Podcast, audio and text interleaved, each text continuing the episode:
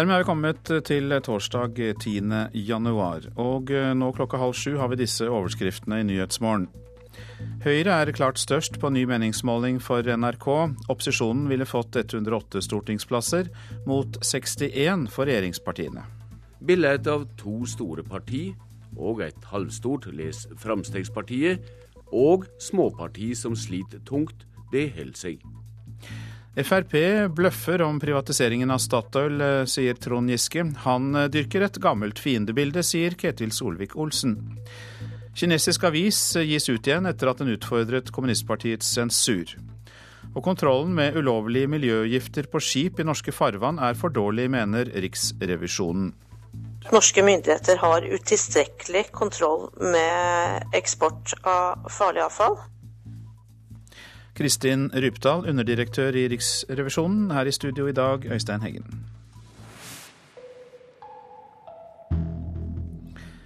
Høyre er det klart største partiet på Norstats siste politiske barometer for NRK.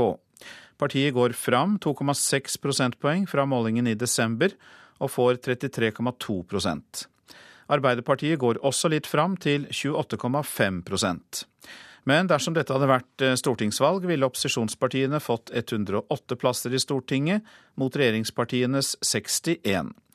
Og eh, Høyre-leder Erna Solberg er fornøyd. Eh, dette viser vel at det norske folk ønsker seg både bedre ideer og nye løsninger.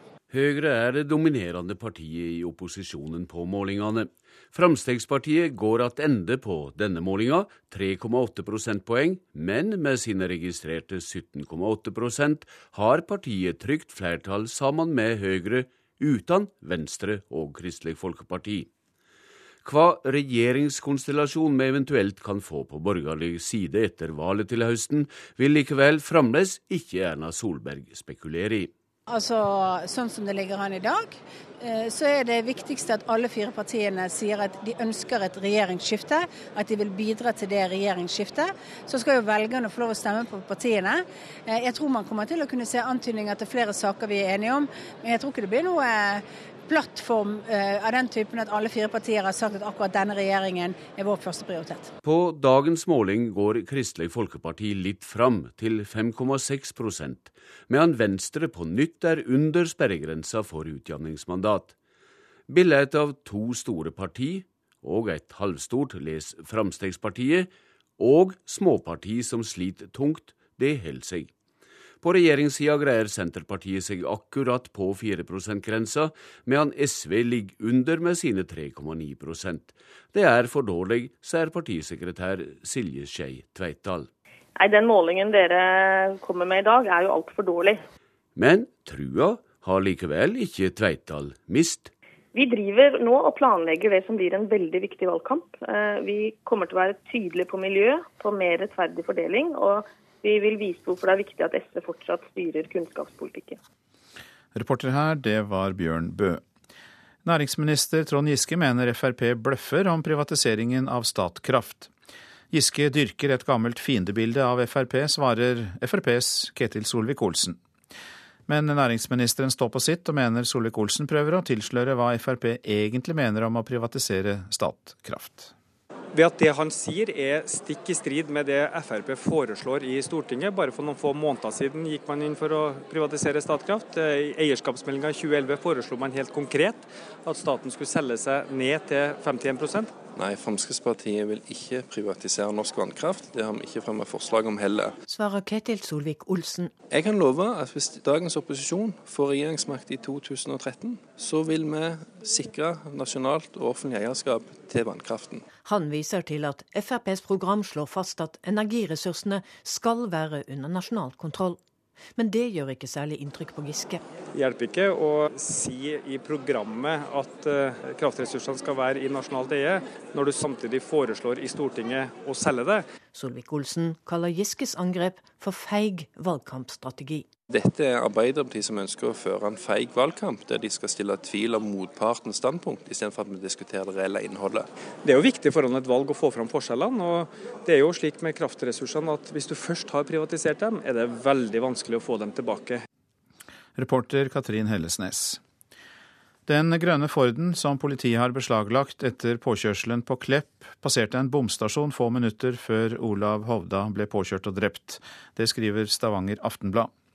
Passeringen gjorde at politiet kunne pågripe de siktede tirsdag ettermiddag. I dag blir ekteparet framstilt for varetektsfengsling i Jæren tingrett. Ingen av de to innrømmer skyld. Sjåfører som er innblandet i bilulykker og bildrap er ofte ruspåvirket, men det er svært vanskelig å få bukt med fyllekjøringen. Seniorforsker Jørg Mørland mener at høye straffer ikke er løsningen alene, og at fengsel og bøter har liten effekt på fyllekjøringen. Helt generelt så vet vi at folk som har kjørt alkoholpåvirket eh, og blitt tatt for det, de eh, blir jo ofte tatt for det igjen. De to som er sikta etter bildrapet på Klepp, risikerer tre års fengsel. Mørland påpeker at bildrap har ført til lave straffer her til lands, sammenlignet med andre drap, men forskeren er likevel usikker på om høyere straffer er veien å gå. Ut fra det vi har sett i andre land, så tror jeg at uh, kanskje ikke det er så veldig mye mer å oppnå med å øke straffenivået. Men det som betyr antagelig mer, er at folk føler at risikoen for å bli oppdaget er ganske stor. Reporter Rolf Christian Toppdal. Og Jørg Mørland er gjest her i Nyhetsmorgen og snakker mer om dette etter klokka sju. Mange leger og sykepleiere har sluttet ved Akershus universitetssykehus på Lørenskog pga. situasjonen ved sykehuset.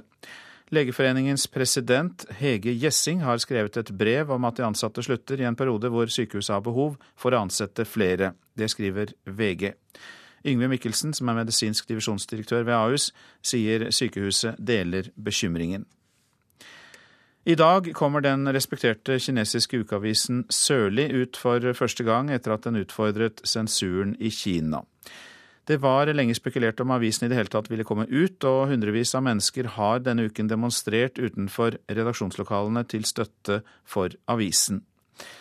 Og eh, Asia-korrespondent Anders Magnus, du er i byen Guangzhou, der avisen kommer ut, eh, og den har vært i aviskioskene en knapp times tid. Hva er reaksjonene så langt?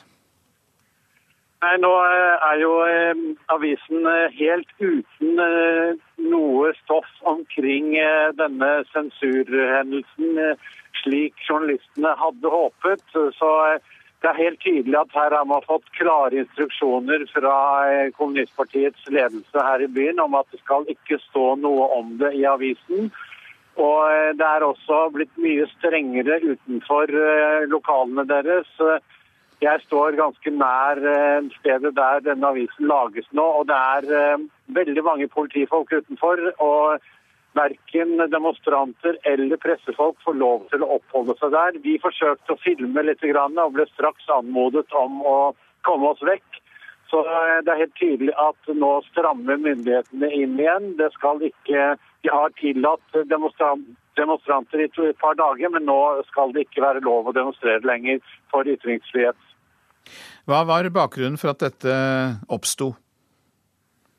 Det var eh, en eh, artikkel hvor eh, en lederartikkel i nyttårsutgaven hvor man forsøkte å ønske seg at Kina i framtida skulle følge landets egen grunnlov. Det ble altså for sterkt for propagandamyndighetene i Kina, som gikk inn. Og det var den lokale propagandasjefen som selv skrev en annen leder som priste kommunistpartiets eh, lederrolle i landet istedenfor dette ønsket om at man skulle følge Grunnloven. Fordi i Grunnloven står det jo bl.a. at det er ytringsfrihet, pressefrihet og forsamlingsfrihet i Kina. Men det blir altså ikke fulgt av landets egne myndigheter.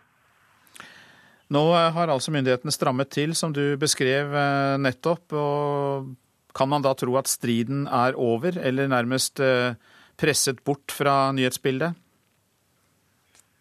Ja, i hvert fall. I Kina så tror jeg ikke det er noen som får lov til å skrive noe om dette lenger. Det er klart at Utenlandsk eh, presse er jo fortsatt opptatt av denne saken. Men eh, det er nok eh, stor bekymring blant journalister, også innenfor denne avisen Nanfang Jomo, Sør-Kinas ukeavis, hvor eh, det ryktes at mange nå kommer til å søke seg bort. Eh, både fordi de er, eh, de er lei av denne sensuren her, men også fordi de frykter at hvis ikke de selv går, så blir de kastet ut som straff fordi de har vært med på å protestere mot dette grove sensurinngrepet mot avisen.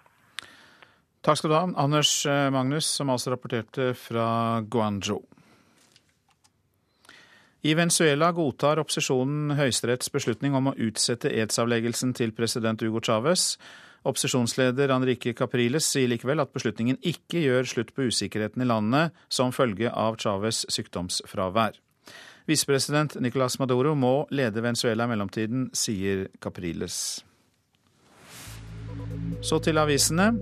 Julehandelen sviktet, er oppslaget i Dagens Næringsliv. For første gang siden 1980-tallet krympet julehandelen, men unntaket er lavpriskjeden Nille, som hadde en vekst på 15% Vi har sovet i timen, sier milliardær Johan H. Andresen til Dagsavisen. Norge mangler 1000 ingeniører og nødvendig spisskompetanse for å ta landet videre etter oljen. Må jobbe sju år lenger enn faren, skriver Bergens Tidende. Dersom 22 år gamle Eirik Lie Hegre skal få like god pensjon som sin far, må han jobbe til han er 74 år gammel. Nye regler gjør at mange unge må regne med å jobbe lenger for å få like mye pensjon som foreldrene. Truer med Lofot-veto er oppslaget i Klassekampen. KrFs energipolitiske talsmann Kjell Ingolf Ropstad vil ha landsmøtet med på et ultimatum, slik at partiet kan nekte å sitte i en regjering som åpner for oljeboring i Lofoten. Nå hentes et enormt oljefunn ut av Nord-Dakota, skriver Aftenposten. Over oljen bor mange norskamerikanere som tjener millioner på at oljen pumpes ut av brønner på deres eiendom. Knasker piller som aldri før, skriver Nordlys. Kvinner og unge bruker mest. Ekspertene advarer mot overdosering. Unge bruker likes på Facebook for å bygge hverandre opp eller ned. Det skriver Adresseavisen. Ni av ti jenter sier at de blir glade av at noen liker det de skriver på Facebook, viser NTNU-undersøkelse. Laget nettbrett ti år før Apples iPad, skriver Fedrelandsvennen om professor Frank Reichert ved Universitetet i Agder. Nettbrettet ble utviklet av han og kollegene i Erikssons forskningsavdelingen, men ble ikke satt i produksjon pga. den forrige finanskrisen, da dotcom-boblen sprakk. Beitetilskudd er tema i Nasjonen. Staten bruker 750 millioner kroner årlig for å betale bøndene for å holde kyrne utendørs. Men Bondelaget frykter at vanskelige regler fører til at mange bønder lar kyrne stå inne. Over 350 religiøse forsamlinger kan miste statsstøtten, skriver Vårt Land. De som har færre enn 100 medlemmer bør ikke få statsstøtte, mener flertallet i regjeringens tros- og livssynspolitiske utvalg. Og dette er tidenes ferieår, får vi vite i Dagbladet. Smart planlegging kan gi deg hele 149 fridager.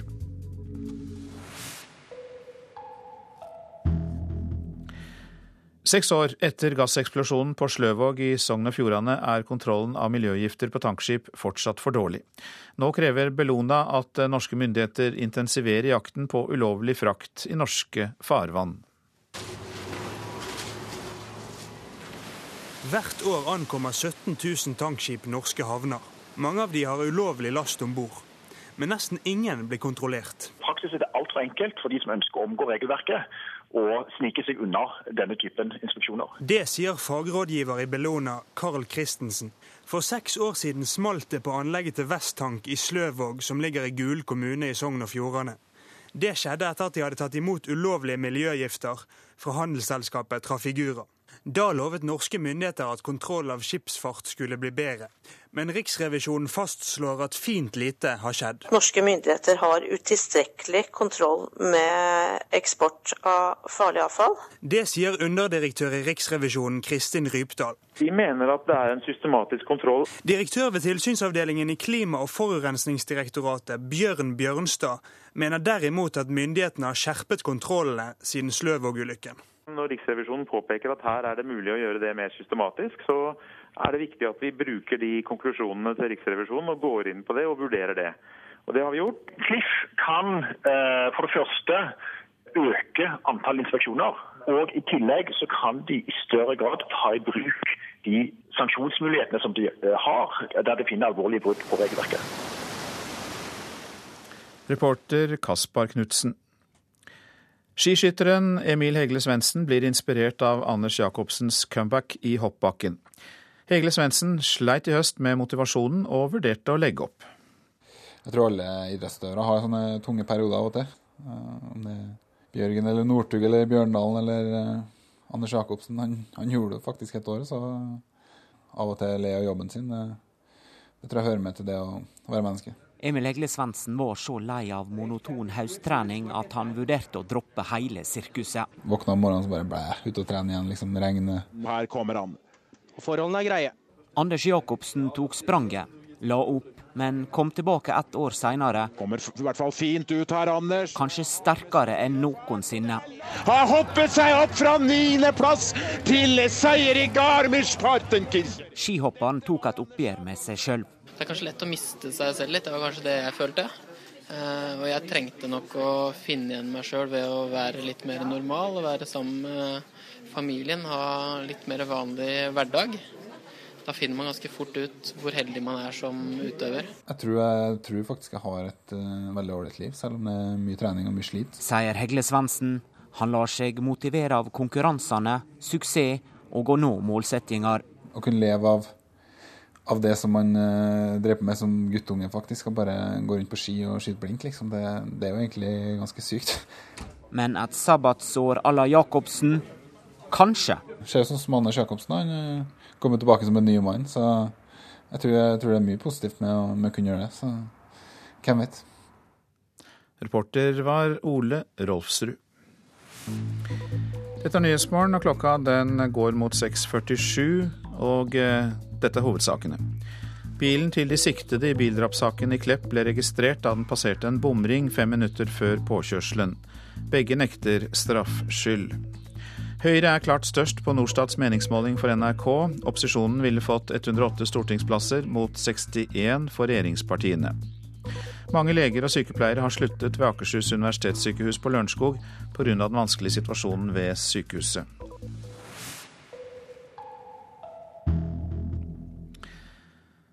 Underernæring blant de eldre kan være et stort problem. Blant de demente kan så mange som 60% være underernærte. Kommunene klarer ikke å fange opp de som er utsatt, mener fylkeslege. Vil du ha litt mer kaffe? Ja, takk. Kaffekoppene blir skjenkt i så fort de er tomme. Matbordet ja, det bugner med egg, kjøttpålegg, ost, rømmesild og syltetøy, bare for å nevne noe. Rundt bordet sitter sju gamle damer. Det er trivelig å spise sammen med noen, da. Til alle tider. Er det sånn at maten smaker bedre når en får det dekka på å få ete sammen med noen, eller? Det er flere, så blir det jo bedre. Når du er alene. Absolutt. Og her som det er så mye godt å velge på, da. Randi Åbo og Karen Strand de koser seg med frokost på sykehjemmet i Heiskog. For hver dag blir det dekka til frokost og middag for en varierende gruppe eldre som bor hjemme. Ifølge nasjonale faglige retningslinjer er underernæring blant de eldre et stort problem. Hos eh, sykehus og sykehjemspasienter er mellom 10 og 60% underernærte, avhengig av hvilke grupper som er undersøkt. Enslige, demente og de med psykiske lidelser er blant de som er mest utsatt. Mange er aleine, og eh, det er eh, ikke veldig morsomt å lage mat av seg sjøl. Mange mister appetitten, kanskje de har mista en livsledsager. Er ensomme og har det tungt pga. det, og det går direkte utover appetitten og matinntaket. Marit Høvik er ernæringsfysiolog ved Frisklivssentralen i Eidskog kommune. Ofte velges det lettvinte løsninger, og mange velger kanskje å ikke spise i det hele tatt. Det ser vi også med drikke. Eh, mange eldre har vanskeligheter for å komme seg på do. Det blir tungt rent fysisk å klare å gå på do, og da er det lettere og lavere å, å drikke. Helsemyndighetene ønsker økt fokus på underernæring, for det er egentlig ingen som veit hvor stort dette problemet er. Underernæring fører til store helseproblemer. De eldre blir mer utsatt for sykdom og skader ved underernæring. Men de fleste kommunene har en lang vei å gå. Bare i Hedmark er det ingen av kommunene som fylkeslegen har tilsyn i, som oppfylte kravene. I Oppland er få kommuner sjekket, men bare halvparten av dem hadde et opplegg for dette. Fylkeslege Hedmark Trond Lutnes sier at kommunene bør bli flinkere det er et stort problem at uh, folk blir dårligere enn de ellers burde ha vært, fordi de ikke får i seg tilstrekkelig mat og, og drikke i, i, i, det daglige. Og Det har vi jo sett ved de tilsynene vi har vært på, at det er ganske store, store forbedringsområder uh, i mange kommuner. Men, vil du ha en sånn en, så må du gjerne Det er så trivelig å komme, altså. Bodil Krogh er 86 år og bor alene i en aldersbolig i Eidskog kommune. I dag er det den dagen i uka da hjemmehjelpa hennes, Anne Søgaard, kommer. Bodil har diska opp med julekake og lefser med sylte. Og så er det en kaffe, da, Anne. Vann. Bodil har bodd alene i mange år, men lager seg middag hver dag. Selvfølgelig kunne beveget meg litt mer, da, vet du, men Men jeg spiser jo godt. Så spiser jeg hver tredje time, for det har jeg hørt er riktig. Men det er enkelte ting hun ikke lager lenger. Ikke fårikål og ikke fersk suppe. Og jeg lager heller ikke blodklubb lenger. Det måtte jeg lage for mannen min skyld, da han var så glad i det. Så det fikk han. Og det var jeg god til, Anne. Ja, det var jeg. Du var flink til å lage mat. Ja, ja, ja, ja, ja, ja. Men eh, Anne er hjemmehjelp hos flere, og det er ikke alle som er like flinke til å ordne seg med mat som Bodil. Jeg følger jo litt med dem da, vet du, og ser at de får i seg mat og spør om de har spist om dagen da jeg kommer. Og, og da hender jeg må lage til mat til dem, da, for da har de ikke spist. Men så kommer de seg litt da de får i seg mat og drikke. Men du passer litt på det når du er innom? Ja da. Titter litt i kjøleskapet deres og ser åssen maten er. Og, for det hender du må kaste noe som gått ut på dato og kanskje ikke er etende, så da rydder jeg opp litt og skriver lapp til eventuelt de som handler for dem, eller reiser og handler for dem. Hjemmehjelp Anne Søgaard til reporter Ann Kristin Moe. Den amerikanske Oscar-utdelingen nærmer seg. I ettermiddag blir det klart hvilke fem filmer som blir nominert i kategorien beste fremmedspråklige film. I Norge, Norge kan bli representert med Kon-Tiki, regissert av eh, Joakim Rønning og Espen Sandberg. Your uh, magazine will be uh, with me on a raft at the mercy of the winds. Storfilmen Kon-Tiki om Thor Heyerdahls ferd over Stillehavet på en flåte fikk gode anmeldelser og ble den mest sette norske filmen på kino i fjor. I dag kan den være ett skritt nærmere en av filmverdenens gjeveste priser, amerikanske Oscar. Jeg tror faktisk den kan eh, bli en Oscar-kandidat. Jeg håper jo at den blir nominert. Jeg gjør det. Krysser fingra for det. Publikum på Filmens hus heier fram Kon-Tiki på ferden mot en Oscar-statuett i februar. Men ikke alle er like overbeviste om at den blir nominert. Nei. Nei. Nei. Den er ikke ekte. Nei, nei, nei, jeg syns ikke Den er ikke ekte. Nei. Det er ikke ekte nok. Bare fire norske filmer har klart det tidligere. Ni liv, Veiviseren, Søndagsengler og Gelling. Skal vi tro bettingbyråene, ligger Kon-Tiki godt an til å bli én av fem nominerte. Både hos Ladbrokes og Bet365 havner filmen på en fjerdeplass. Østerrikske Amour og franske The Intouchables leder soleklart. Men blant anmelderne er det delte meninger om Kon-Tiki vil nå opp når ni filmer kjemper om å bli de fem utvalgte. Jeg tror at Kon-Tiki har en ganske god sjanse til å bli nominert. Kjetil Lismoen i Aftenposten understreker betydningen av at filmskaperne har mektige venner. Bl.a. Harvey Weinstein, en kjent og legendarisk eh, produsent, som ser til at mange får sett filmen din, for det er jo den fremste forutsetningen for at, eh, for at du skal bli nominert. Også Borghild Måland i VG tror filmen har gode sjanser. De som sitter og bestemmer i den kategorien fremmedspråklig film, det er ofte eldre mennesker. Og de har sans for en god historie. De er amerikanere som liker drømmere og folk som får gjennomført sine drømmer. Terje Eidsvåg i Adresseavisen er mer skeptisk. Jeg tror den har en 20% sjanse for å bli det. Jeg tror den og et par til kjemper om den siste plassen, for å si det sånn. Én ting er anmelderne likevel enige om. Kon-Tiki er ikke god nok til å vinne. Norge får heller ikke i år sin første spillefilms-Oscar. Nei. Det tror jeg nok egentlig ikke. Den er ikke blant uh, favorittene. Og synspunktene ble fanget opp av reporter Ida Kvittingen. God morgen til deg, Mode Steinkjer. God morgen. Du er jo kulturredaktør i Dagsavisen og leder i Norsk Filmkritikerlag, og var med og stemte fram Kon-Tiki som norsk Oscar-kandidat. Hva tror du om mulighetene? Det er vel som de sier her, den kjemper jo kanskje om en av de siste plassene. Den er ikke blant favorittene. Den vil vel neppe vinne Oscar om den skulle komme så langt at den blir nominert. Men at den har en fair sjanse til å faktisk bli nominert, det er jeg ganske sikker på.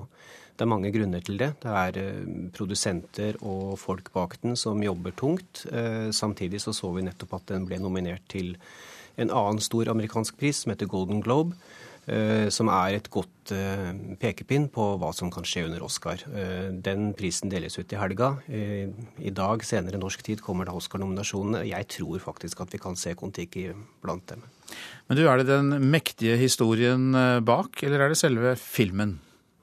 Jeg tror det er ganske sammensatt. Det er nok litt filmen. Den er eventyrlig og eksotisk også for amerikanere. Ehm, den har vært en suksess i Norge. Det hjelper på ryktet den har med seg ute i verden, også i USA. Og så er det, som noen sa i innslaget her, det er eldre eh, akademimedlemmer, altså filmakademimedlemmer i USA, som ser og velger ut disse filmene. Og denne historien med Thor Heyerdahl har nok eh, gjenklang i en generasjon som da kan, eh, kan like denne litt ekstra godt, nettopp fordi at det er noe gjenkjennelig i den. Jeg skal ikke beskylde deg for å være så veldig gammel, Mode Steinkjer, så hva ser du i filmen? Jeg ser først og fremst en eventyrlig historie. Ehm, og så er det en, en vellaget uh, norsk film. Kanskje det mest vellaget vi har sett uh, her hjemme. Det har jo med budsjett å gjøre. Det har heller aldri vært større her hjemme. Det er klart at dette er en av de filmene som er påkosta, og den er nok laget også med tanke på at den skal ut i verden. Den skal vinne priser, den skal fange publikum, og det er klart at Oscar har nok vært et mål helt fra denne filmen ble unnfanga. Du, Er det slik at norske filmer gjør det bra for tiden?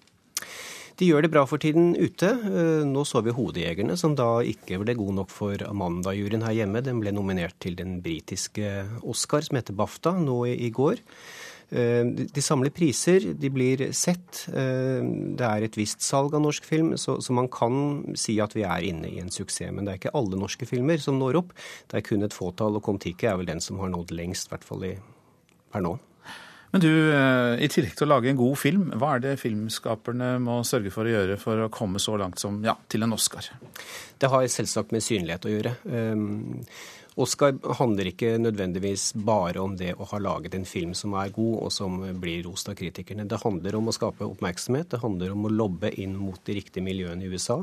De skal bli sett i de riktige magasinene, de skal være på de riktige TV-showene, de skal være på de riktige festene, og ikke minst må de sørge for at uh, de medlemmene av akademiet i uh, USA, og de er noen tusen, at de faktisk får sett filmen. Og det er det som er nåløyet. Altså hvorfor skal man se en norsk film?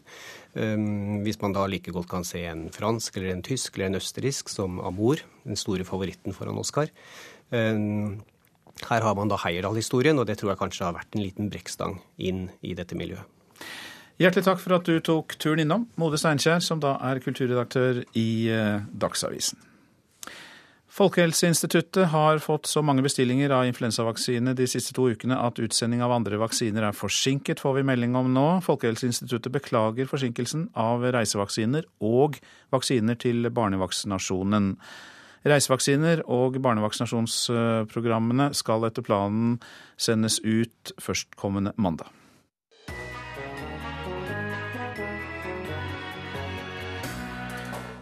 Filmen Zero Dark 30, som handler om jakten og drapet på Osama bin Laden, har skapt storm både i Senatet og i CIA. Nå vil amerikanske senatorer vite om han faktisk brukte like mye tortur som det filmen viser. Du får hele historien om jakten på tidenes mest ettersøkte terrorist i Radioselskapet på P2. Så var det værvarselet. Fjellet i Sør-Norge får stort sett pent vær. Østlandet liten kuling på kysten, stort sett pent, men eh, periodevis skyet øst på Østlandet. Telemark og Agder først på dagen pent vær, fra i ettermiddag noe mer skyet, og da spesielt nær kysten. Vestlandet sør for Stad, nordøstlig liten kuling ved Stad, for det meste pent vær. Møre og Romsdal og Trøndelag liten kuling i sør, i ettermiddag minkende, stort sett pent, men i Trøndelag perioder med mer skyer. Nordland i nord spredt til sludd- eller snøbyger først på dagen, ellers skyet, delvis skyet opphold. Troms og Finnmark enkelte sluddbyger eller snøbyger på kysten, ellers stort sett opphold. I kveld eh, liten kuling i Troms og Vest-Finnmark. Nordensjøland på Spitsbergen. Vestlig liten kuling, fra i ettermiddag stiv kuling. Snø av og til. Og så har vi bare fått inn fire temperaturer fra meteorologiske, altså fra klokka fire i natt. Da får vi lese de fire vi har. Bodø minus 1, Gardermoen minus 5, Lillehammer minus 8 og Oslo hadde minus 2 grader på Blindern klokka fire.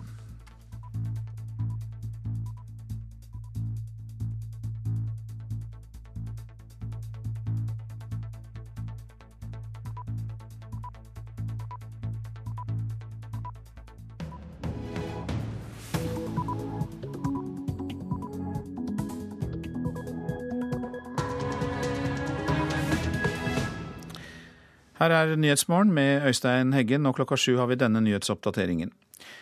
Bilen politiet har beslaglagt etter påkjørselen på Klepp, passerte bomstasjonen like ved få minutter før Olav Hovda ble påkjørt og drept. Høyre er det klart største partiet i Norge i en ny måling. Dersom det hadde vært stortingsvalg, ville opposisjonspartiene fått 108 plasser, mot regjeringspartienes 61. Dette viser vel at det norske folk ønsker seg både bedre ideer og nye løsninger. Høyre-leder Erna Solberg. Ny trend gjør at norske huseiere selger sin egen solstrøm, men eh, langt færre gjør dette i Norge sammenlignet med resten av Europa. Nye initiativ for å få bukt med våpenvolden i USA kan komme om kort tid. Det hvite hus vil innføre våpenrestriksjoner, uansett om Kongressen støtter lovendring eller ikke. Det tilspisser seg i Kashmir. Både India og Pakistan rasler med sablene. Og seks år etter gasseksplosjonen på Sløvåg i Sogn og Fjordane er kontrollen av miljøgifter på tankskip fortsatt for dårlig. Hvert år ankommer 17 000 tankskip norske havner. Mange av de har ulovlig last om bord men nesten ingen blir kontrollert. Det siktede ekteparet etter eh, bildrapet i Klepp blir framstilt for varetektsfengsling i dag. Det skriver Stavanger Aftenblad. Politiet sier de vet at bilen eh, kvinnen eier, kjørte forbi en bomstasjon like i nærheten av der tolv år gamle Olav Hovda ble drept. Altså få minutter før påkjørselen skal denne passeringen ha skjedd. Det var denne bompasseringen som hjalp politiet til å pågripe de siktede tirsdag ettermiddag, skriver Stavanger Aftenblad. Lokalmiljøet ved Klepp har vært i sjokk og sorg etter at tolvåringen ble påkjørt fredag. Tirsdag ble den 43 år gamle mannen og 42 år gamle kvinnen pågrepet. Ingen av dem erkjenner straffskyld, og ifølge mannens forsvarer Anne Kroken vil han motsette seg varetektsfengsling. Reporter Haldor Asvald. Og vi har med oss eh, Jørg Mørland, professor ved Nasjonalt folkehelseinstitutt. God morgen. God morgen. Ja, I dette tilfellet så nekter jo de siktede straffskyld, og det har ikke kommet noen informasjoner om ruspåvirkning, slik at det er viktig å slå fast. Men på et generelt grunnlag, eh, hvor vanlig er det at førere som er involvert i påkjørsler, bildrap, er ruspåvirket? Ja, det er jo slik dessverre at uh, godt over halvparten av tilfellene hvor det er skyld hos fører, og det er en alvorlig ulykke, gjerne med dødelig utgang, så er jo føreren påvirket. Hvem er det som kjører ruspåvirket, eh, ruspåvirket tilstand? Eh, det som er felles for mange av disse, er at de har rusmiddelproblemer og er storbrukere enten av alkohol eller andre stoffer eller kombinasjoner. Og at eh, på en måte deres liv er i stor grad konsentrert rundt rusmidlene, og så kjører man da også bil innimellom. Hvilke rusmidler er det vanligste? Er det alkohol, eller er det også et bredere spekter? Det er et stort spektrum. Eh, når det gjelder alvorlige ulykker, så er nok alkohol fortsatt det vanligste. Men eh, amfetamin, cannabis og også en del medikamenter med ruspotensial er sterkt representert. Hvilken hjelp får de som da nærmest lever i denne rusbobla, slik du beskriver det? Det er jo et eh, generelt problem. Hvor, eh, hva har vi å tilby folk som har rusproblemer, og eh, spesielt de som da har vært involvert i ting som dette.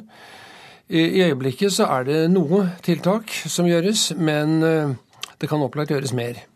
Ved at man skal vi si, benyttet denne situasjonen som et utgangspunkt for å, å sette i gang behandlingstiltak. Det gjør man ikke i dag, men man har programmer som er mer av undervisningspedagogisk karakter, som skal prøve å få promillekjørere og andre påvirkede kjørere bort fra denne meget uheldige oppførselen. Du er jo professor ved Nasjonalt eh, folkehelseinstitutt. og mm, Har du gjort deg opp noen tanker om også strengere straffer er aktuelt? Eh, det er jo ikke helt i sentrum av vår eh, interesse, men det er klart det er en ting man vurderer. Hva kan gjøres forebyggende? Og det virker som det viktigste er at folk har en oppfatning av at de kan lett bli oppdaget. Det vil holde de fleste borte fra det. Men straffens størrelse er noe mer omdiskutert med hensyn til hvor effektivt det vil være. Det du beskriver er jo da kanskje en eh, relativt liten gruppe sett i forhold til eh, befolkningen som helhet, men som da går i en ruspåvirket eh, tilstand mer eller mindre kontinuerlig. Hvilke tanker har de rundt det som kan skje hvis de setter seg i en bil ruspåvirket? Jeg tror det er viktig å, å, å si, minne, minne, oss selv om at i ruspåvirket tilstand så er vår impulsivitet betydelig øket, og våre motforestillinger mot en del ting som vi ville gjøre i edru tilstand, mye, mye mindre. Så jeg tror nok at beslutningen om å kjøre, eller hva vi skal kalle det, fattes i en tilstand som ikke er helt representativ for personen, men for den rustilstanden som vedkommende er i. Mange takk for at du kom til oss i Nyhetsmorgen, Jørg Mørland, som altså er professor ved Nasjonalt eh, folkehelseinstitutt. Politikk nå. Høyre er det klart største partiet på Norstats politiske barometer for eh, NRK. Partiet går fram 2,6 prosentpoeng fra målingen i desember, og får da 33,2% Arbeiderpartiet går også litt fram, til 28,5% men dersom dette hadde vært stortingsvalg, så ville opposisjonspartiene fått 108 plasser i Stortinget mot regjeringspartienes 61. Og Høyre-leder Erna Solberg er fornøyd. Det betyr at det er et flertall av det norske folk, i alle fall i dag, eh, klart og tydelig sier at de ønsker seg et regjeringsskifte. Eh, og Det er jo jeg glad for, selv om jeg vet at det, tar, eh, at det er lenge til valget. Og det skal mange tøffe valgkampdebatter og forhåpentligvis også noen saksdebatter fremover. Men for oss er jo dette et glimrende utgangspunkt. Nå skal vi høre at norske huseiere har begynt å selge strøm fra egne solcellepaneler til strømnettet. Likevel er det langt færre som gjør det i Norge, sammenlignet med mange andre europeiske land. Og nå krever miljøorganisasjoner at myndighetene må gjøre strømutveksling som dette lettere å få til her til lands. Trond Arvid Røsvik er en av dem som har gjort det i Norge. Ja, jeg syns det er litt eh, kult. Eh, det er ikke så mange som har det her i Norge i hvert fall. Produsere sin egen strøm, eh, ja, det er noe jeg ønsker å ha gjort lenge. Vi tramper i snøen på et hustak i Oslo. Huseieren Trond Arvid Røsvik peker stolt rundt seg. Oppå hustaket så har jeg kledd taket med solcellepaneler, både øst- og vestside. Sånn at jeg har produksjonen produksjon helt fra sola står opp til sola går ned. Vi ser at uh, det ligger uh, snø oppå disse solcellepanelene. Nesten hele taket er kledt med rutete solcellepaneler. Hvorfor gjør du dette? Det er vel eh, fordi jeg syns det er litt gøy. Produsere egen strøm. Men eh, jeg tror også det ligger litt fremtid i å ha tilgang til egenprodusert strøm. Gratis, rett og slett. Dette er egentlig et bitte lite solkraftverk som kan holde en ovn eller en vaskemaskin i gang i et annet hus. For strømmen kan sendes langs strømledningene ut av huset og tilbake til nettet, hvor den kjøpes av Hafslund, som selger den videre igjen. Det blir jo ikke mer grønt enn det her. Hvor mye penger koster det å installere noe sånt? Ja, I Norge så er det jo ikke noe firma som egentlig gjør sånne kostnadinstallasjoner. Eh, men eh, man bør nok ut med en 70-80-90 eh, der omkring, avhengig av hvor stor installasjonen er. Men langt flere gjør dette i våre naboland. Det anslås at 30 000 danske huseiere gjorde dette i fjor. Bare et titalls personer har gjort det i Norge. De må få det enklere og få flere fordeler, mener miljøorganisasjonene Zero og Naturvernforbundet. Det er for vanskelig i dag å få levert strøm på nettet fra den enkelte boligen. Sier leder i Naturvernforbundet, Lars Haltbrekken.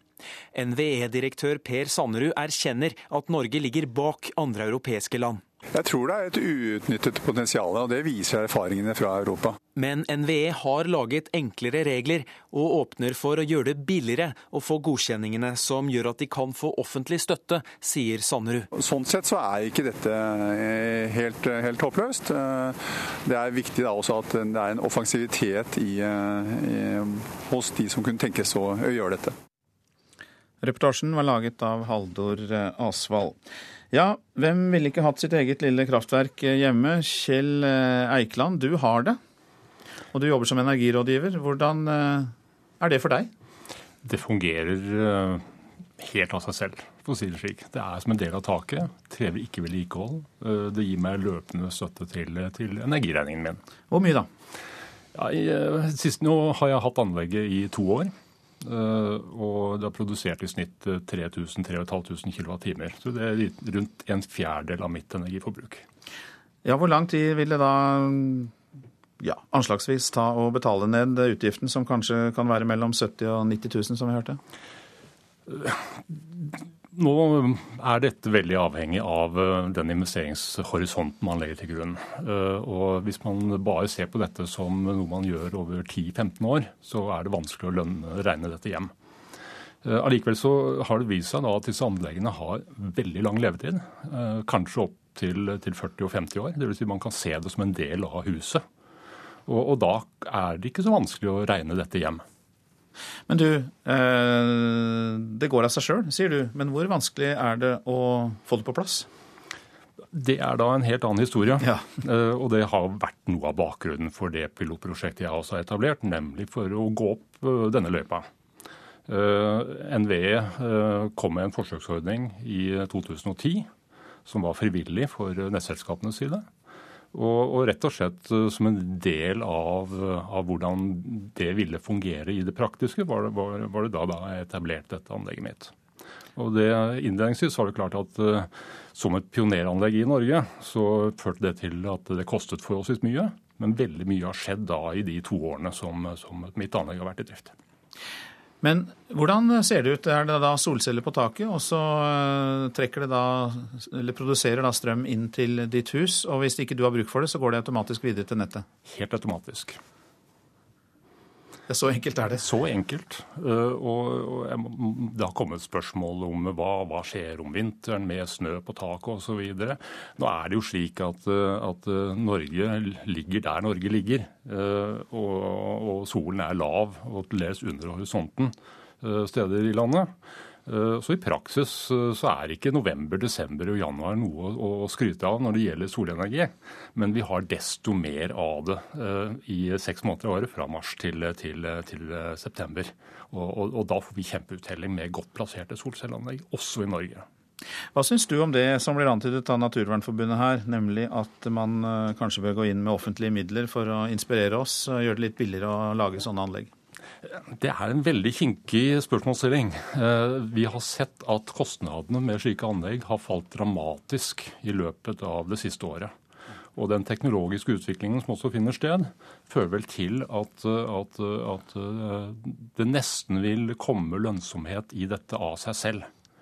Og, og Det er da den store overraskelsen som, som kanskje norske myndigheter og, og forvaltere må ta inn over seg at dette vil kunne komme av seg selv hvis man ikke tilrettelegger dette på en, en ordentlig måte. Det er jo elektrisk utstyr, og det må håndteres på en forsvarlig måte også. Det blir spennende å se om det kommer mange nye småkraftverkeiere der ute. Kjell Eikeland, eh, takk for at du kom i studio.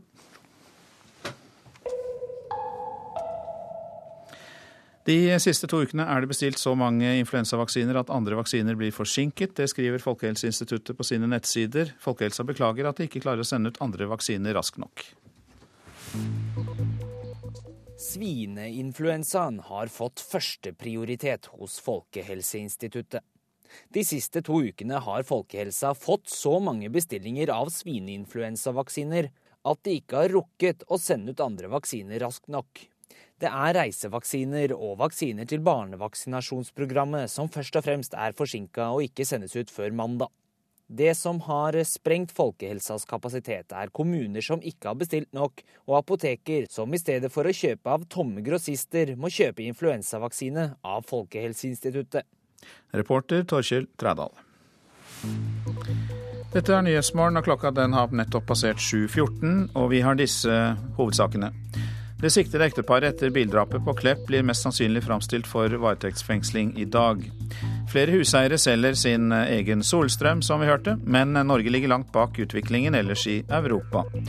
Og den eh, norske filmen Kon-Tiki kan bli nominert til eh, Oscar. Det får vi vite i ettermiddag.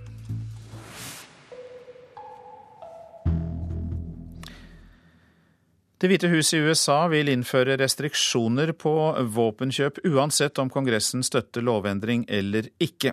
Det sier visepresident Joe Biden. Nye initiativ for å få bukt med våpenvolden i USA kan komme om kort tid. Det er visepresidenten som nå leder arbeidet med nye våpenlover.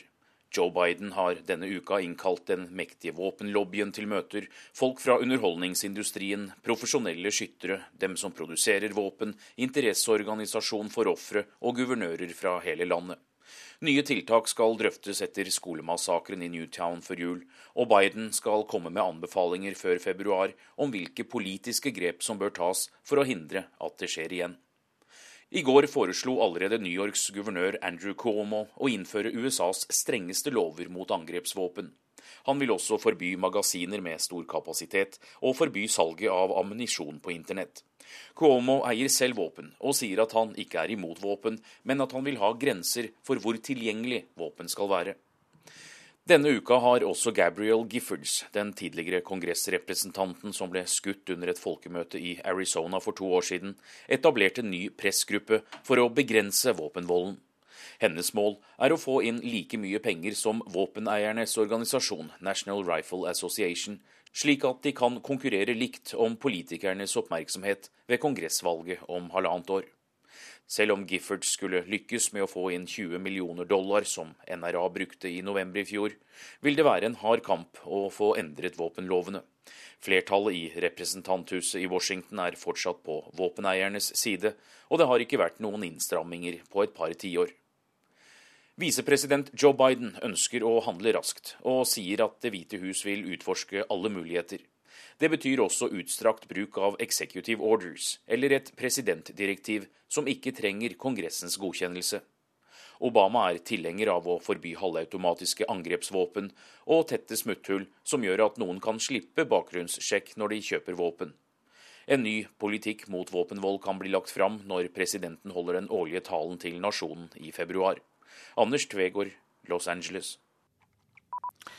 I Venezuela godtar opposisjonen Høyesteretts beslutning om å utsette edsavleggelsen til president Hugo Chávez. Opposisjonsleder Enrique Capriles sier likevel at beslutningen ikke gjør slutt på usikkerheten i landet som følge av Chávez' sykefravær. Minst åtte mennesker er drept og flere såret i kamper mellom stammer i Kenya. Sammenstøtene skjedde sørøst i landet, og mange hus i området er brent ned. Minst elleve mennesker har mistet livet pga. vinterkulde med snø og regn i Midtøsten. Syriske flyktninger er blant de som er hardest rammet. De krigsherjede byene i Syria er dekket av snø, og folk sliter med mangel på fyringsolje og med stadige strømbrudd. De fem mennene som er tiltalt for gjengvoldtekt og drap på en kvinne i India, blir i dag framstilt for retten.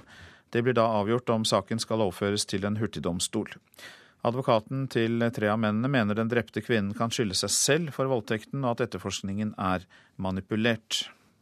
10 days, no investigation can be concluded at all. This is a 10 day. Within the 10 days, not even the 10 days. Det er ikke mulig å etterforske en slik sak på ti dager.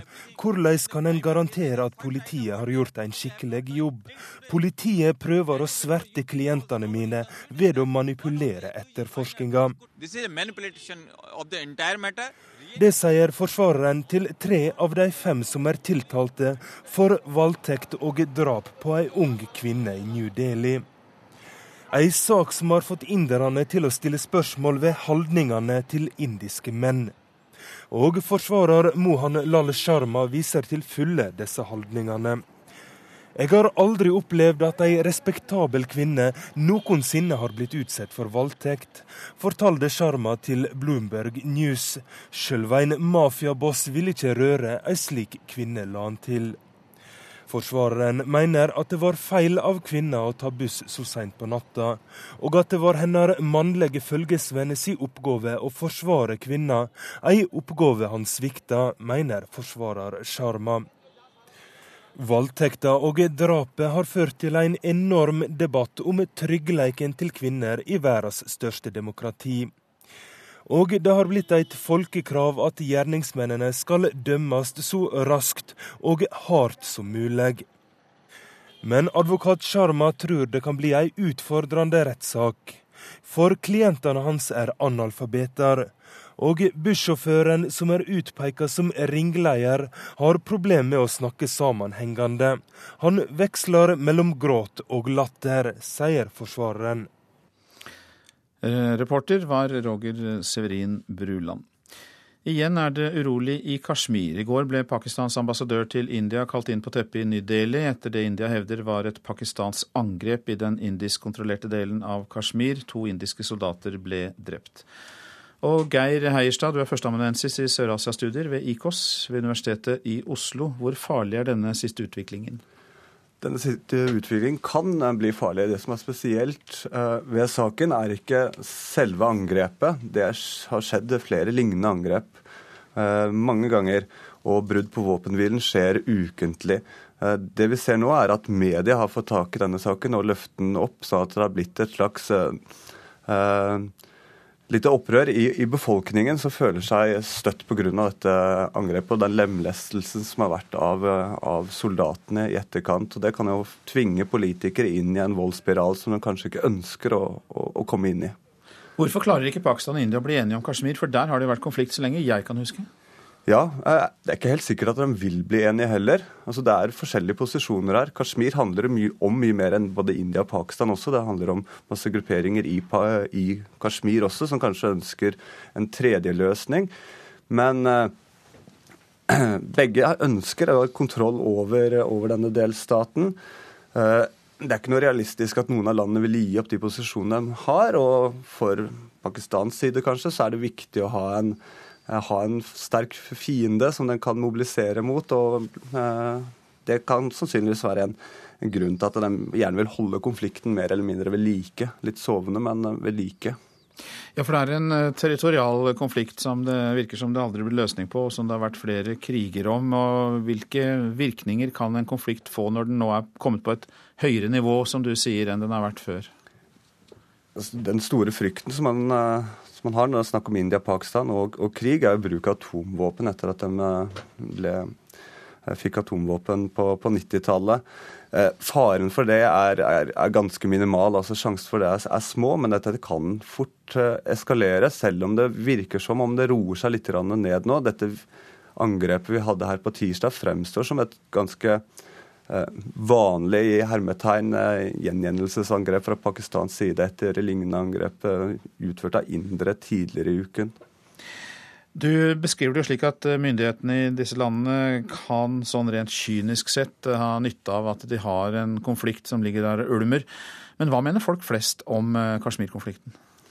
Det er store, store forskjeller. I, uh, I Jammu Kashmir så vil de selvfølgelig primært ha fred, og de har mistet tilliten til både sentralregjeringen både i Pakistan og i India, og vil vel eh, folk flest, iallfall spesielt i Kashmir-dalen, ønsker vel selvstendighet, eh, rett og slett. Og det de kjemper for. Overgrepene mot lokalbefolkningen har vært store, og det er dem som lider under dette.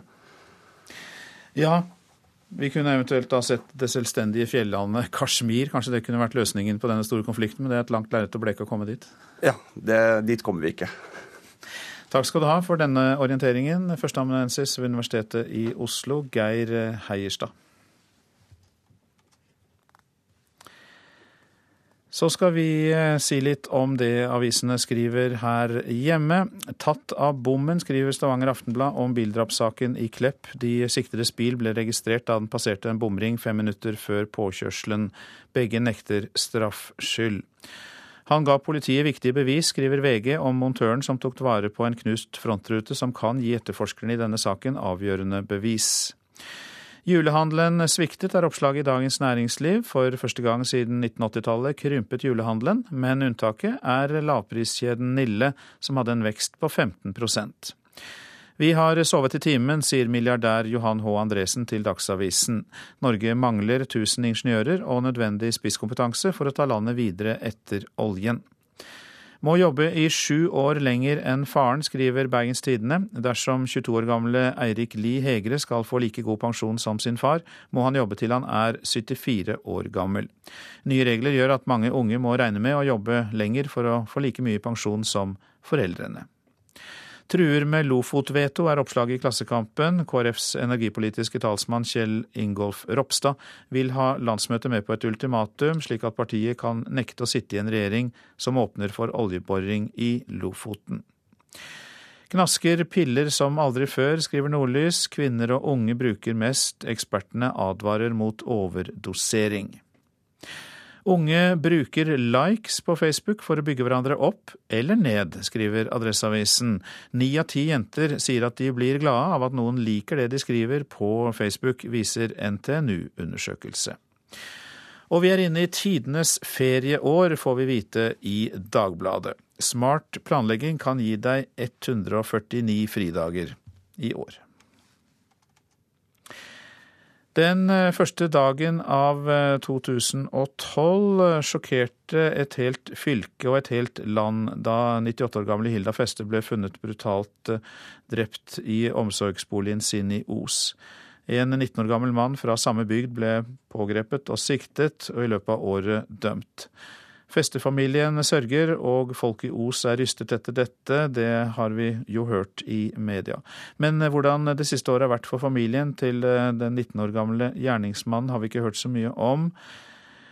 Mamma og han som blir kalt reservepappa, forteller om året da mm, ikke bare sønnen, men hele familien ble dømt. Vi er litt på feil side i denne saken som familie. Vi opplever, opplevde liksom til å begynne med at folk var glade for de hadde pågrepet en. Mens vi følte på en måte at vi var ikke glad for det. At det var en som var pågrepet. Og, og det var en veldig merkelig situasjon å være i.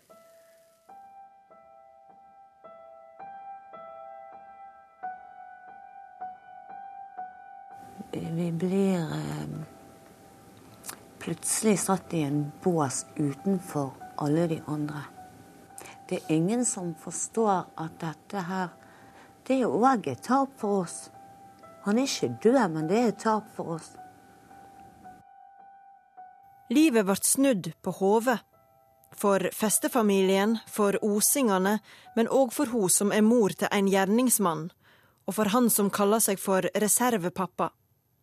På gata og i butikken møtte de de samme menneska, men de så de med nye øyne. Eh, Os er en Hva rykter og sånn angår, så er det faktisk en bedriten plass å bo. Altså, jeg føler at det ikke bare Kristian som har vært siktet i denne saken. Vi har alle følt oss siktet for noe. Jeg, jeg føler litt at, at det er enkelte som tror at vi um, ikke har um, medfølelse for hennes familie. Det har vi. Hun har tatt med seg familien og flytta. Vekk fra huset de bodde i da drapet skjedde, og vekk fra media. Når hun skal treffe oss, vil hun komme til NRK på Minde i Bergen. Egentlig kunne hun tenke seg å flytte langt vekk, men det er i Os hun har familien og livet sitt. De fleste nære venner som jeg hadde før dette skjedde, har jeg ennå. Så, men det er mange som jeg har snakket mye før, som jeg ikke snakker med lenger. Altså, hva forventer de at jeg skal gjøre? Som moren til Kristian, hva forventer de at jeg skal gjøre? Forventer de at eh, hun er moren hans, og hvis han har gjort det, så kanskje hun har kontakt med ham lenger? Er det det de forventer?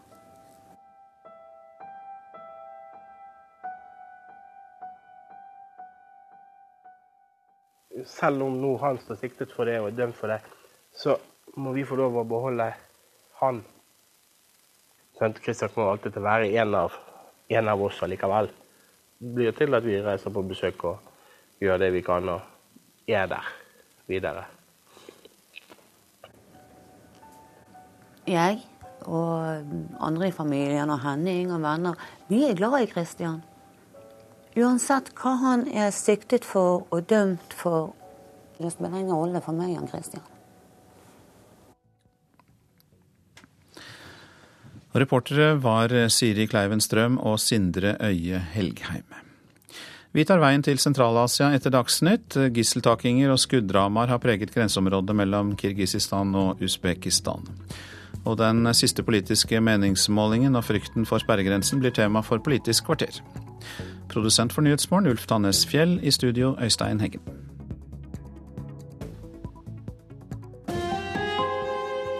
Hør ekko. Saken i Bjugn prega oss i mange år på 90-tallet. Sju personer ble sikta for seksuelle overgrep mot flere barnehagebarn. Ingen ble dømt, men konsekvensene ble store. Hva har vi lært 20 år etter? Vi inviterer politiet, rettsmedisineren, barneadvokaten og journalisten. Hør Ekko rett etter Dagsnytt. Ekko 9 11 i NRK P2. Gutten som ble påkjørt på Klepp, blir gravlagt i dag, medan politiet holder fram med etterforskninga. Visepresidenten i USA vil bremse bruken av våpen, uansett om Kongressen støtter lovendringa eller ikke. Og filmskaperne bak Kon-Tiki er spente. Filmen kan bli nominert til Oscar i dag. Ja, god morgen, her er NRK Dagsnytt. Klokka er 7.30. Det sikta ekteparet etter bildrapet på Klepp blir trolig framstilt for varetektsfengsling i dag. En 43 år gammel mann og en 42 år gammel kvinne ble pågrepne og sikta tirsdag etter at 12 år gamle Olav Hovda ble påkjørt og drepen sist veke. Og reporter Haldor Asvald, hva er det som er venta vil skje i Irak? Ja, Det er jo varslet at det blir et fengslingsmøte i saken i dag. og Politiet mener jo at de er helt sikre på at de har funnet den bilen som ble brukt til å kjøre på Olav Hovda. Den er registrert på denne 42 år gamle eh, kvinnen, og ingen av disse to erkjenner eh, straffskyld og nekter for å ha kjørt denne eh, bilen. Advokaten til den 43 år gamle mannen sier i hvert fall at han vil motsette seg seg varetektsfengsling eh, i dag. Hva var det som eh, førte politiet på sporet av eh, dette ekteparet? Ja, politiet bekreftet i går at de registrerte denne bilen ved en bomstasjon like i nærheten av der Olav Hovda ble påkjørt få minutter før påkjørselen, skriver Stavanger Afteblad. og Dette hjalp dem i etterforskningen. og Nå jobber de intenst med å kartlegge hvor disse to har vært akkurat i de minuttene da Olav Hovda ble påkjørt. Og Samtidig som politiet nå etterforsker denne saken, så jobber eh, lokalsamfunnet med å takle sin eh, egen eh, sorg, og mange skal være med i begravelsen til tolvåringen som skal skje i dag. Takk skal du ha, reporter Haldor Asvald. Høyre er klart største parti på Norstats politiske meningsmåling for NRK i januar, og regjeringspartiet SV ligger under sperregrensa. Også på denne målinga er det trygt borgerlig flertall, noe Høyre-leder Erna Solberg er godt nøyd med. Det betyr at det er et flertall av det norske folk, i alle fall i dag, eh, klart og tydelig sier at de ønsker seg et regjeringsskifte. Eh, og Det er jo jeg glad for, selv om jeg vet at det, tar, eh, at det er lenge til valget. Og det skal mange tøffe valgkampdebatter og forhåpentligvis også noen saksdebatter fremover. Men for oss er jo dette et glimrende utgangspunkt. Det er Høyre som er motoren i opposisjonens flertall. Fremskrittspartiet går attende 3,8% men står likevel med 17,8% på denne målinga, og de to partiene har flertall uten Venstre og Kristelig Folkeparti. Senterpartiet får akkurat 4% medan SV, som forrige måned, er under sperregrensa, må partisekretær Silje Skei Tveitdal erkjenne. Men Tveitdal har ikke gitt opp, sier hun. Eh, så har vi også hatt noen bedre målinger og gått litt fram i snitt i det siste. Eh, vi tror vi er på riktig vei, og akkurat nå sitter vi og planlegger i detalj eh, det som blir en veldig spennende valgkamp. Reporter her var Bjørn Bø. Høyre går altså fram, medan SV ligger under sperregrensa. Og politisk kommentator her i NRK, Magnus Takvam, med dette som bakteppe, hvordan blir valåret 2013? Eh, jeg tror vi vil se to viktige trekk, i hvert fall. For det første vil det bli en kamp eh, fra ulike partier om å vinne tilbake eh, de velgerne som har gått til Høyre, som jo nå er det suverent største partiet. Vi vil oppleve at de rød-grønne, særlig Arbeiderpartiet, vil forsøke å øke det ideologiske konfliktnivået mot Høyre for å vise deres såkalt sanne ansikt på den ene siden. Og så vil Fremskrittspartiet, som også konkurrerer om Høyres velgere, mange av deres velgere har gått til Høyre, forsøke å utnytte dette og hindre at alle går til Arbeiderpartiet, men selv, altså Frp, prøver å vinne noen av disse tilbake. Og så vil vi oppleve at siden såpass mange av de mindre partiene sliter mot sperregrensen, så vil disse partiene på hver sin side av blokkgrensene forsøke å markere seg, og dermed kunne skape et bilde av stort internt sprik på begge sider av eh, blokkene. Et eh, spennende år og helt sikkert flere spennende meningsmålinger framover også. Takk skal du ha, politisk kommentator Magnus Takvam, og dette blir også tema i Politisk kvarter etter Dagsnytt. USA vil innføre restriksjoner på våpen, uansett om Kongressen støtter lovendringer eller ikke. Det sier visepresident Joe Biden. Nye initiativ for å få bukt med våpenvalden i USA kan komme om kort tid. Visepresident Joe Biden ønsker å handle raskt, og sier at Det hvite hus vil utforske alle muligheter. Det betyr også utstrakt bruk av executive orders, eller et presidentdirektiv som ikke trenger Kongressens godkjennelse. Obama er tilhenger av å forby halvautomatiske angrepsvåpen og tette smutthull som gjør at noen kan slippe bakgrunnssjekk når de kjøper våpen. En ny politikk mot våpenvold kan bli lagt fram når presidenten holder den årlige talen til nasjonen i februar. Anders Tvegård, Los Angeles. Folkehelsa har fått så mange bestillinger på influensavaksiner at de ikke greier å sende ut andre vaksiner raskt nok. Det er reisevaksiner og vaksiner til barnevaksinasjon som er forsinka. Akuttvaksiner blir sendt ut som normalt. Norske huseiere har begynt å selge strøm fra egne solcellepanel til strømnettet. Likevel gjør langt færre dette i Norge enn i mange andre europeiske land. Vi tramper i snøen på et hustak i Oslo. Huseieren Trond Arvid Røsvik peker stolt rundt seg. Oppå hustaket så har jeg kledd taket med solcellepaneler, både øst- og vestside. Sånn at jeg har produksjonen produksjon helt fra sola står opp til sola går ned. Dette er egentlig et bitte lite solkraftverk som kan holde en ovn eller en vaskemaskin i gang i et annet hus. For strømmen kan sendes langs strømledningene ut av huset og tilbake til nettet, hvor den kjøpes av Hafslund, som selger den videre igjen. Det blir jo ikke mer grønt enn det her. Men langt flere gjør dette i våre naboland. Det anslås at 30 000 danske huseiere gjorde dette i fjor. Bare et titalls personer har gjort det i Norge. De må få det enklere og få flere fordeler, mener miljøorganisasjonene Zero og Naturvernforbundet. NVE-direktør Per Sannerud erkjenner at Norge ligger bak andre europeiske land. Jeg tror det er et uutnyttet potensial, og det viser erfaringene fra Europa. Men NVE har laget enklere regler og åpner for å gjøre det billigere å få godkjenningene som gjør at de kan få offentlig støtte, sier Sannerud. Sånn sett så er ikke dette helt håpløst. Det er viktig da også at det er en offensivitet hos de som kunne tenkes å gjøre dette.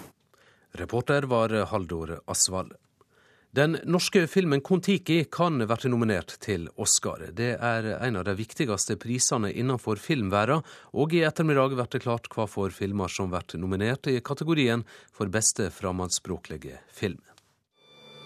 Your uh, magazine will be uh, with me on a raft at the mercy of the winds. Storfilmen Kon-Tiki fikk gode anmeldelser og ble den mest sette norske filmen på kino i fjor. I dag kan den være ett skritt nærmere en av filmverdens gjeveste priser, amerikanske Oscar. Bare fire norske filmer har blitt nominerte tidligere. Ni liv, Veiviseren, Søndagsengler og Elling. Blant anmelderne er det delte meninger om Kon-Tiki vil nå opp.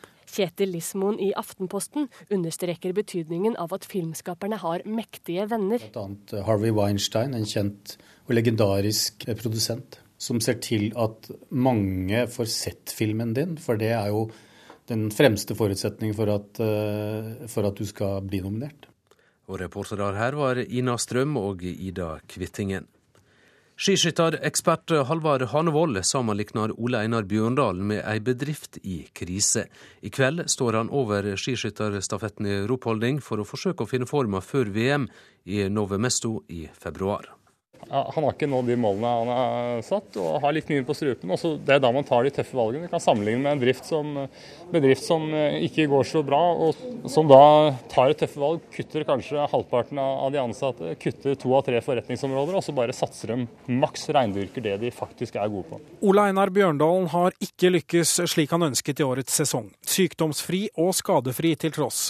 Nå endrer han planene for å bli klar for Novemesto. Jeg skulle gjerne hatt litt mer overskudd eh, inn mot rennet. Det ja, jeg pusha kanskje litt for uh, lenge med mye hard trening, så da tror jeg det er greit å ta det nå.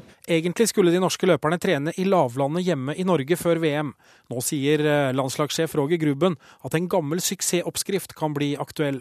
ja, han har veldig mye gode erfaringer med, med høydeleir før mesterskap. Så hvis det sier ut at det er det som er det riktige for han i år, så er det klart, da gjør vi det. Reporter her var Andreas Toft. Ansvarlig for denne sendinga er Bjørn Christian Jacobsen.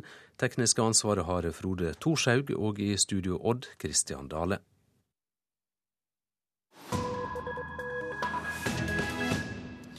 Dette er Nyhetsmorgen. Den siste uka har det igjen vært spent med skyting og gisseltakinger i grenseområdet mellom Kirgisistan og Usbekistan. Denne etnisk svært sammensatte delen av Sentral-Asia har de siste tiårene sett flere svært blodige konflikter. Så seint som i juni 2010 ble rundt 500 mennesker drept i etniske uroligheter i byen Osj.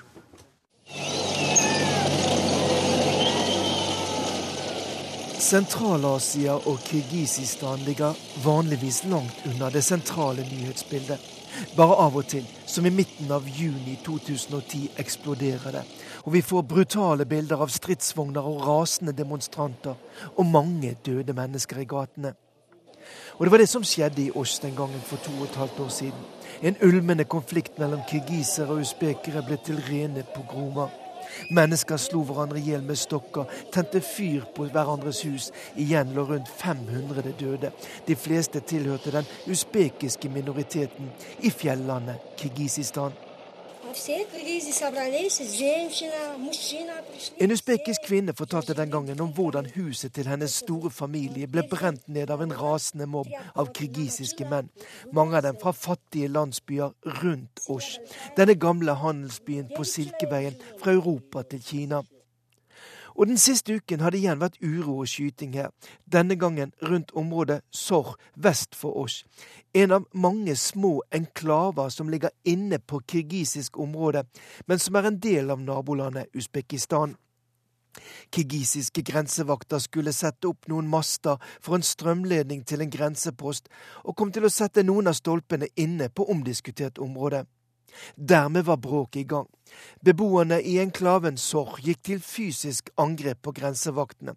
De skjøt tilbake. Tre sivile ble skadet av skytingen, mens 13 grensesoldater ble lettere skadet av de rasende beboerne.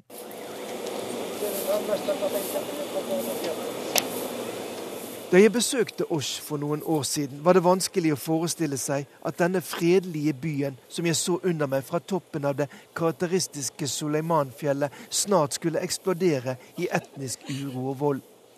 Kirgiserne og usbekerne snakker begge et tyrkisk språk og har i århundrer levd tett på hverandre uten større konflikter. Men da Sovjetunionen brøt sammen, forandret også den hårfine balansen mellom folkegruppene seg i denne delen av verden.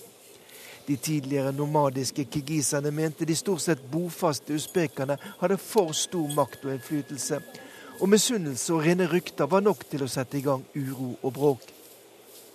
I 1990 ble minst 300 mennesker drept i sammenstøt mellom kirgisere og usbekere.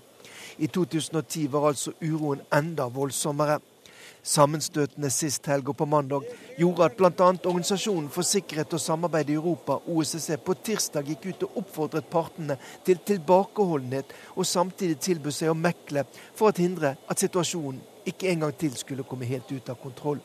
Мы не можем развиваться абсолютно суверенно и независимо. Den kirgisiske forskeren og samfunnsdebattanten Torat Akimov mener at hendelsen i det sørlige delen av Kirgisistan viser at landet ikke fullt og helt kan kalle seg selvstendig. Det er så mange krefter som drar og sliter i oss, at det i uoverskuelig framtid vil være vanskelig å få til et stabilt styre, mener han.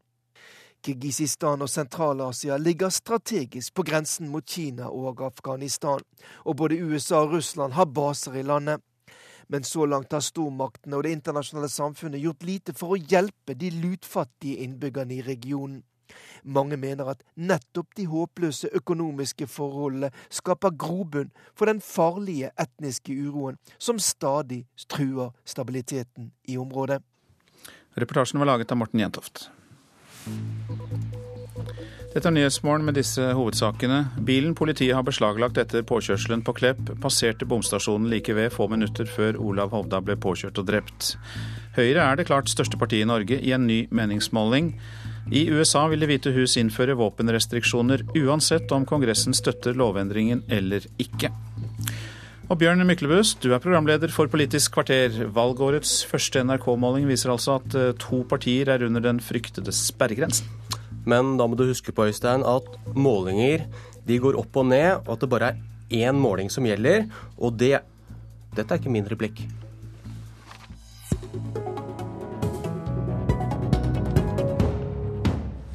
Det er din replikk, nestleder i Venstre, Ola Elvestuen. 3,3 eh, Ja, det er klart at eh, det er en for dårlig måling. Målinger går opp og ned. Nå har vi også, ja, det, vi, det, det viser er at vi må jobbe enda hardere fram mot eh, valget i høst, og at vi har en sterk organisasjon som vi kan bygge, vi kan bygge den valgkampen på. Nå har vi heldigvis også en medlemsvekst i 2012, det tiende året på rad, så det er ikke bare negative tall heller for eh, Venstre. Og det som er viktig for oss, er å vise fram hvorfor vi trenger et større liberalt og grønt parti i Norge. SV-leder Audun Lysbakken, 3,9 det ville være et altfor dårlig resultat. og Det ville bety at uh, kampen for miljø og rettferdighet i Norge ville bli uh, alvorlig svekket. Heldigvis så tror jeg at det er veldig mange flere enn 3,9% av velgerne i Norge som er opptatt av et mer miljøvennlig samfunn, som ønsker mer rettferdighet og sterkere fellesskap. og Derfor så vet jeg at vi har et stort potensial. Nå skal vi bruke de neste månedene til å nå fram til alle de menneskene, og da kan vi heve oss betydelig på valgdagen. Er det nå når det er valgår at skuldrene blir litt høyere når man skal avdramatisere dårlige løypemeldinger fra velgerne? Altså for vår del så eh, er jeg mer opptatt av snitt av målinger enn enkeltmålinger. og De viser de siste månedene at vi har gått en del fram, og de fleste målingene er høyere enn dette. Så eh, jeg mener vi er inne i en positiv trend. Eh, men det viktigste er jo sakene.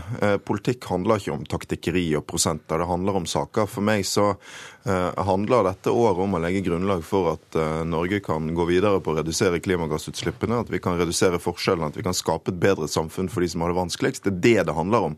Og det kommer valget til å avgjøre. Og da er også SV sitt resultat avgjørende for det. Ja, du, du sier at eh, det ikke påvirker strategien og taktikken og politikken. Elvestuen, hvordan påvirkes politikken av en kamp mot sperregrensa? Nei, det er jo her som må det jobbe systematisk eh, over tid. og Dette handler om å bygge en, et sterkere liberalt og grønt uh, parti. Uh, og det lar vi jo ikke vi lar oss ikke vippe opp himmelen av én måling i forhold til det. Dette handler om å vise fram hvorfor vi trenger hvorfor vi mener at vi trenger en ny regjering, nettopp for å få en sterkere miljøpolitikk, for å få en mer en liberalisering inn i arbeidslivspolitikken, for å få en satsing på skole og høyere utdanning. Og dette er jo det vi skal vise fram gjennom eh, den eh, den valgkampen som vi nå skal inn i, og det året som vi nå jobber for. Men, men å bli, da, bli garantist for en eller to viktige saker, kan det være et lite partis skarpeste våpen i kampen om velgerne? Nei, vi må vise oss fram som et bredt liberalt og grønt eh, parti. Det er klart at Som parti så er du involvert i, i de fleste saker. Det som er viktig for oss, er jo våre store hovedtemaer. og Det er spesielt miljø, og det er selvfølgelig skole og høyere utdanning. Og så skal vi delta på alle politikkområder. Men det er klart at på våre hovedtemaer så er vi nødt til å ha store gjennomslag. Det viktigste for et parti er jo selvfølgelig å presentere sin politikk. Ellers så er det å vise fram også at man klarer å ha gjennomslag når man kommer i posisjon. Både SV og Venstre har kampen mot oljeboring i Lofoten og Vesterålen som en av de viktigste sakene. Men begge skal samarbeide med store partier som vil noe annet. Og så har det blitt stilt spørsmål om dette er et ultimatum. Kan Venstre og SV sitte i en regjering som fortsetter veien mot åpning av disse feltene? Eh, sitat. Vi kan ikke stille ultimatum. Dersom partiene går inn i en valgkamp med mange absolutte saker i bagasjen, så gir det et dårlig grunnlag for forhandlinger. Sitat Heikki Holmås.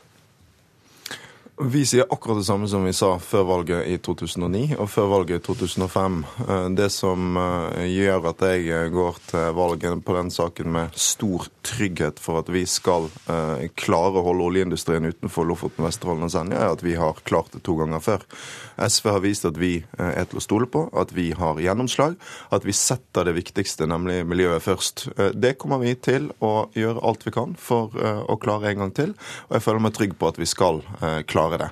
Men det er ikke et ultimatum? Så begynner ikke vi forhandlingene i NRK-studio med våre partnere, men jeg tror alle i Norge har fått med seg hvor alvorlig SV mente det sist, og vi mener det er akkurat like alvorlig denne gangen. Men er det et ultimatum, eller er det ikke et ultimatum? Vi begynner aldri forhandlingene med de andre partiene i studio. Eh, men alle kan være helt trygge på at SV kommer fortsatt til å sette den saken eh, først. Det er en enormt viktig sak for oss. Av hensyn til fiskeriressursene, av hensyn til klima, av hensyn til utviklingen av norsk økonomi og næringsliv. Eh, og vi kommer til å sørge for at vi fortsatt får et oljefritt Lofoten, Vesterålen og Senja i årene fremover. Det er det jeg ønsker å bruke regjeringsmakten til, også i neste periode. Elvestuen Venstre stiller heller ikke et ultimativt krav om eh, Lofoten og Vesterålen? Vi kommer akkurat på samme måte til å slåss for at det ikke blir en petroleumsvirksomhet utenfor Lofoten, Vesterålen og Senja. Og hensynet er jo nettopp av de pga. fiskeriressursene som er der. Dette er den siste store, robuste torskestammen i verden, og de verdiene, de naturverdiene som er i området. Og så er det helt klart at vi går til valg for å få en ny regjering.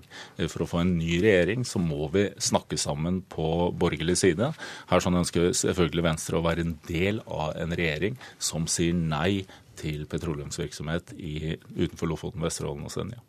I Klassekampen i dag kan vi lese at KrFs energipolitiske talsmann vil kjempe for at landsmøtet stiller et ultimatum. KrF kan ikke sitte i en regjering som åpner for oljeleting i Lofoten og Vesterålen. Og Silje Lundberg, leder i Natur og Ungdom. Har disse gjestene her noe å lære av Kjell Ingolf Ropstad i KrF? Jeg vil si at ingen av, altså verken KrF, Venstre eller SV kan sitte i en regjering som åpner for oljeboring utenfor Lofoten, Vesterålen og Senja. Og så skjønner jeg at det politisk er vanskelig å ta ordet ultimatum i sin munn.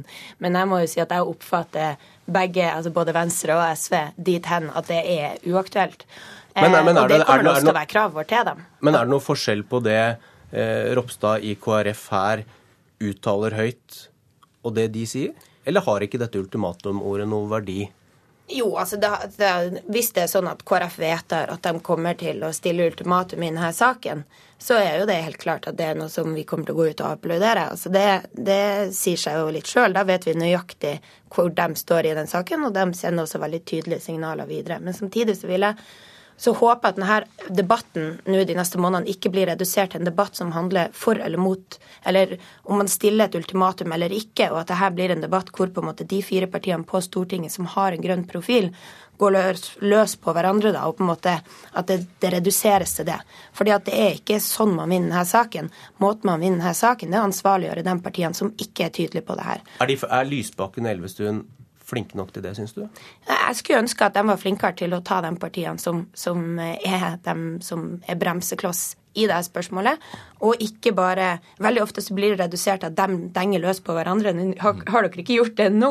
Jeg skal altså, gi dem ønske at SV heller gikk ut tydelig og viste hva som er forskjellen på deres standpunkt og Arbeiderpartiet sitt, og hvorfor det derfor er viktig at man skal stemme på dem, og at Venstre gjør det samme med Venstre og Høyre. Lysbakken først. Jeg tror det illustrerer litt av problemet med miljødebatten. Eh, vår tids viktigste spørsmål er ikke den viktigste spørsmålet i den norske politiske debatten. Og det er det at når vi inviteres f.eks. hit til NRK for å diskutere klima, så er det for å diskutere hvem som er det beste miljøpartiet av Venstre og SV. Det syns jeg er en grunnleggende uinteressant diskusjon. Eh, Venstre er miljøpartiet på høyresiden i norsk politikk. Vi er miljøpartiet på venstresiden i norsk politikk. Problemet er at det ikke er flere miljøpartier.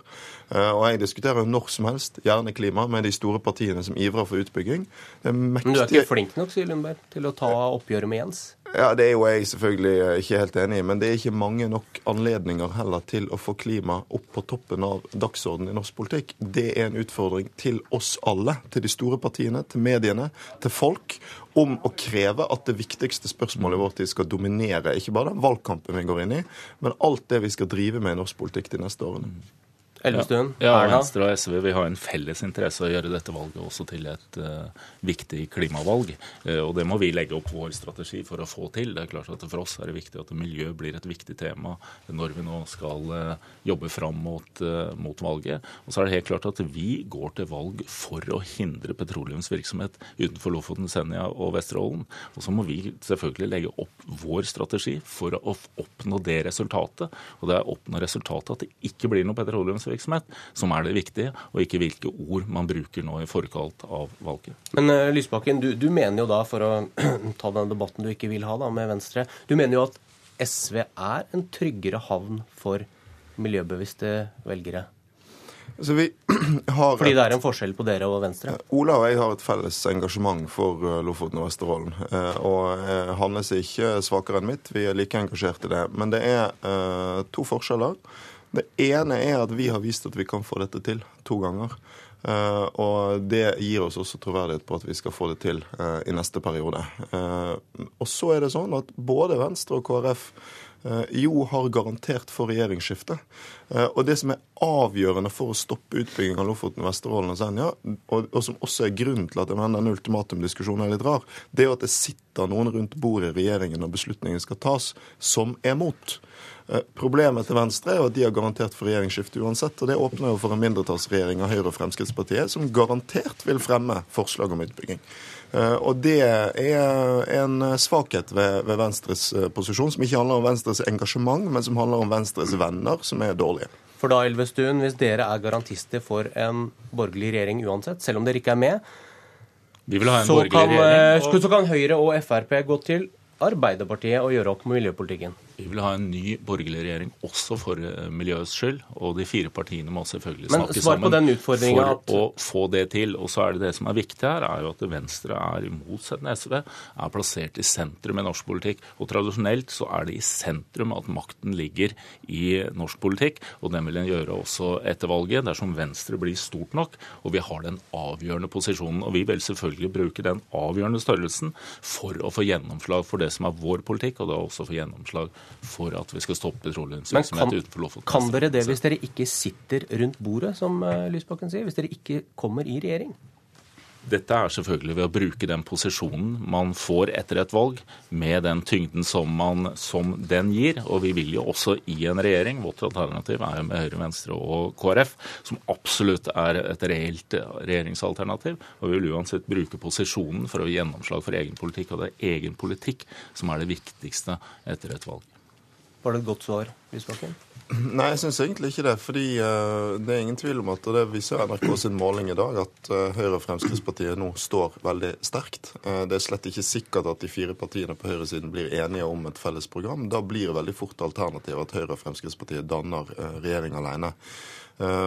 Det som er avgjørende nå, er jo at vi både får klimaspørsmålene opp, at Lofoten, Vesterålen og Senja blir et avgjørende spørsmål i valgkampen, men også at vi får en avklaring på om miljøpartiene på høyresiden er villige til å støtte en ren Høyre-Frp-regjering som bygger ut. Silje Lundberg, til slutt. Eh, er du redd for en storkoalisjon mellom Arbeiderpartiet, Høyre og Frp? Ja. Det er helt klart. Altså, jeg mener at det er helt avgjørende at de fire partiene som har en god miljøprofil, dette valget gjør et godt valg. Og at de faktisk kommer i en posisjon hvor uavhengig hvordan regjering, altså uansett hva den eh, nye statsministeren kanskje kommer til å hete, men at man faktisk får en miljøpolitikk som duger. Men da må de slutte å drive og ta hverandre, og så må de vise hvem det faktisk er som er de store kjipingene. Så er det dem de må gå etter. Takk for debatten, politisk kommentator i NRK Magnus Takvam. Er Venstres eneste sjanse til å stanse oljeleting i Lofoten og selv sitter i regjering, som Lysbakken hevder? Det er klart at en, et ultimatum, eh, eller det man ser på som et ultimatum, virker jo mye sterkere dersom du sitter selv i eh, regjeringen, og selvfølgelig i en flertallsregjering. Fordi det som da har skjedd i den rød-grønne perioden, er jo at SV har bundet opp Arbeiderpartiet til ikke eh, å gjennomføre sin primærpolitikk, f.eks. sammen med Høyre og Frp i en del saker. Men samtidig så kan man jo si at et ultimatum fra et regjeringsparti à la SV muligens kan være en tom trussel. For hvis man skal gjøre alvor av trusselen om å gå ut av regjering dersom man f.eks. bygger ut Lofoten og Vesterålen, så vil jo nettopp det skje at Arbeiderpartiet da vil, sitte, vil ha sittet i en mindretallsregjering og kunnet utløse dette flertallet vi snakker om. Så ingen av posisjonene er, er noen garanti for det ene eller det andre, og veldig mye avhenger av eh, f.eks. Arbeiderpartiets eget ønske og e-, eget trykk for nettopp å gjennomføre f.eks. Lofoten-Vesterålen-utbygging. Apropos små partier, helt til slutt. Venstre og SV kan få en utfordrer i miljøpolitikken?